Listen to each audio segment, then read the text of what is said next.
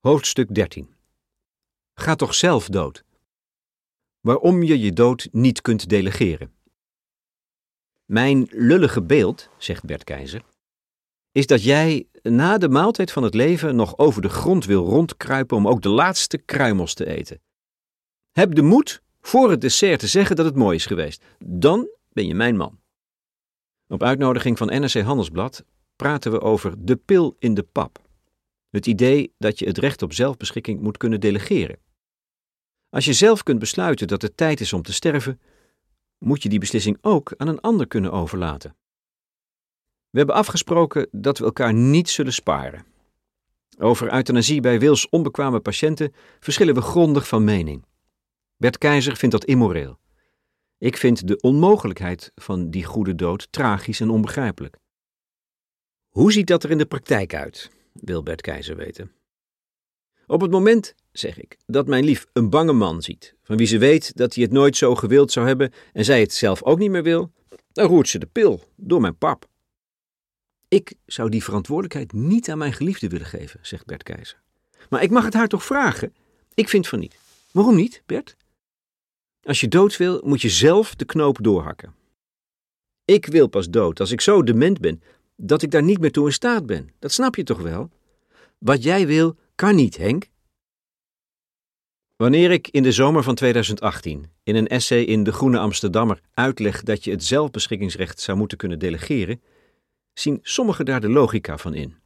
En als The Guardian dat essay twee maanden later publiceert als longread over de tekortkomingen van de Nederlandse euthanasiewet, tonen ook radio- en televisiebelangstelling. Het Vlaamse tijdschrift Knak wil weten wat ik in hemelsnaam voor ogen heb. Pia Dijkstra nodigt me uit voor een gesprek bij Pia's podcast, waarin het D66-Kamerlid met gasten van gedachten wil wisselen over medisch-ethische dilemma's. In de Amsterdamse Schouwburg sta ik op de rode stip voor een TEDx-talk en bij De Correspondent publiceer ik als correspondent dood en aftakeling, een journalistieke niche die we in een balorige bui bedenken, een manifest. En dat allemaal vanwege die ene dwarse gedachte. Wie niet te vroeg wil sterven als hij dement wordt, maar ook niet te laat dood wil gaan, heeft de hulp nodig van een achterblijver. Omdat een arts je niet op tijd uit het leven zal verlossen. Wat daar zo dwars aan is? Ik heb altijd geloofd in het recht op zelfbeschikking en zal dat blijven doen. We hebben er niet om gevraagd zo oud te worden, maar in ons verlangen zelf de regie te houden, een tragisch en eenzaam verlangen, vergeten we de anderen. Ik ben mij gaan storen aan het gemak waarmee mensen hun sterfrecht claimen, aan de vanzelfsprekendheid waarmee ze daar alleen zelf iets over te zeggen willen hebben. Met elke vezel in mijn lijf geloof ik in het recht op zelfbeschikking, maar niet in die hedonistische variant. Het na mij de zondvloed, de egocentrische houding die populair is geworden in een neoliberale eeuw waarin zowat alles ondergeschikt werd aan het individu. Ik ben gaan begrijpen dat je leeft dankzij die anderen, als sociaal wezen dat gezien en gekend wil worden. En dat ook niemand alleen sterft, dat er altijd achterblijvers zijn. Dat brengt een morele verplichting met zich mee, om door te leven. Of tenminste, de regie los te laten. Wie dement wordt, verliest hoe dan ook de regie over zijn leven. Een ander neemt die als mantelzorger op zich. Daarom mag je als demente niet alleen een beroep doen op de achterblijvers, maar moet je dat misschien wel doen. Zelf zal ik er niets van merken. Voor familie en vrienden, voor die mantelzorgers dus, is mijn lange, uitgerekte sterven veel zwaarder. Bert Keizer stelt zich het echtpaar Gerda en Klaas voor. Als Klaas dementie krijgt en uiteindelijk wegzinkt in diepe dementie, wordt Gerda verliefd op een andere man, Koos. Mogen Gerda en Koos die arme Klaas dan doodmaken? Ik knik. Als die man van tevoren heeft besloten dat Gerda de verantwoordelijkheid krijgt, dan zou dat kunnen. Oh, roept Bert Keizer uit, quasi geschrokken. Die man vindt dat goed. Sorry hoor, maar ik wil niet leven in een land waarin zoiets mogelijk is. Bert, wat zou jij dan willen als jij in mijn situatie zat? Dan zit ik met een probleem. Ik heb geen idee. Er zijn grapjassen die tegen me zeggen: U wilt zeker ook euthanasie later? Nou, liever niet. Mijn dood is niet van mij. Onder die kop verschenen het groene essay en het stuk in The Guardian, My Death is Not My Own. En organiseerde ik twee praatavonden in Pakhuis de Zwijger in Amsterdam. Veel later zou het me gaan dagen dat je die kopregel op twee manieren kon lezen. Als verongelijkte klacht. Ik wil de regie houden over mijn dood, maar dat lukt niet, want mijn dood is niet van mij. Ik wil mijn dood terug. Of, zoals ik het bedoelde, als de programmatische titel van een pamflet, pleidooi of preek. We doen alsof we het alleen voor het zeggen hebben over onze dood, maar we vergissen ons. Doodgaan doe je samen. Ik ben grootgebracht in een gereformeerd milieu, maar beschouw mijzelf sinds mijn vijftiende als atheïst. Waar kwam dat zalvende idee over samen doodgaan dan vandaan? Ik schrok zelfs van de reacties bij conservatieve katholieken en verstokte protestanten, zo welwillend als die waren. Begon ik heimelijk weer religieus te worden? Je krijgt mij kennelijk eerder uit de kerk dan de kerk uit mij, bekende ik een journalist van de evangelische omroep. Dat mijn pleidooi verwarrend was, merkte ik ook. Ik wil een recht op zelfbeschikking delegeren dat ik niet eens heb. De euthanasiewet mag dan gebouwd zijn op dat jaren 60 ideaal. Toen de wettekst geschreven werd, vond niemand het nodig dat recht erin op te nemen.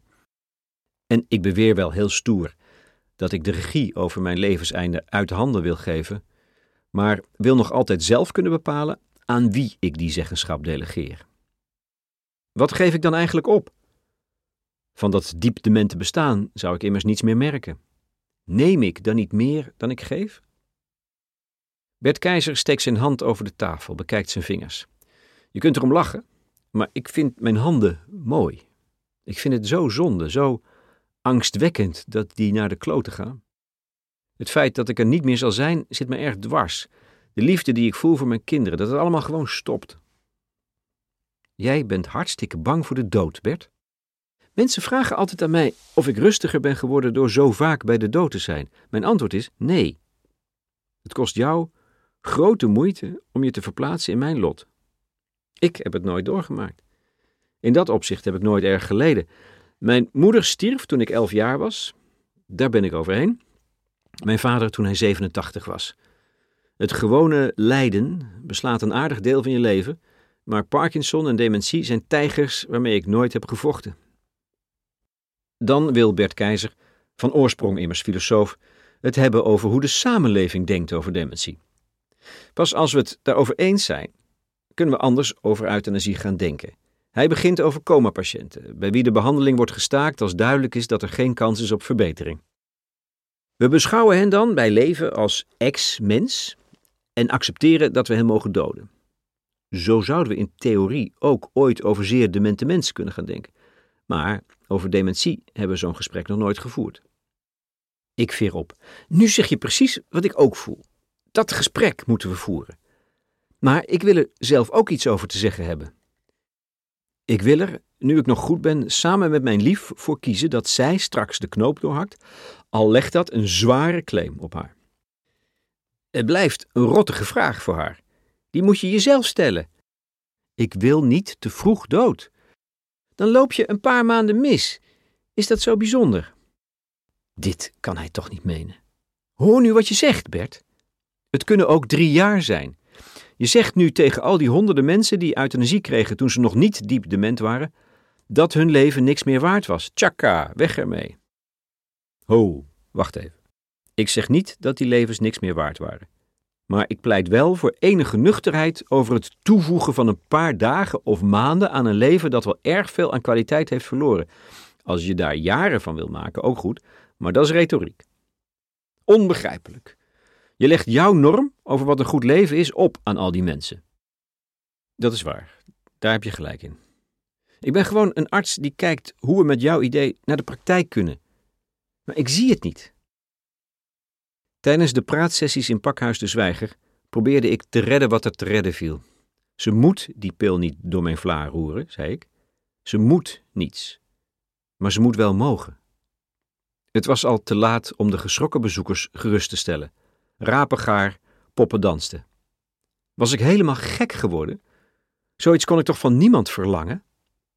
Bert Keizer, even goede vrienden, noemde mij tijdens een radio-interview ronduit laf. Vraag om euthanasie zodra je dement wordt, zeiden vrienden en vreemden, of bestel via internet de dodelijke middelen. Laat die pil niet voor je geliefde liggen. Wees een man. Val ons er niet mee lastig. Ga toch zelf dood.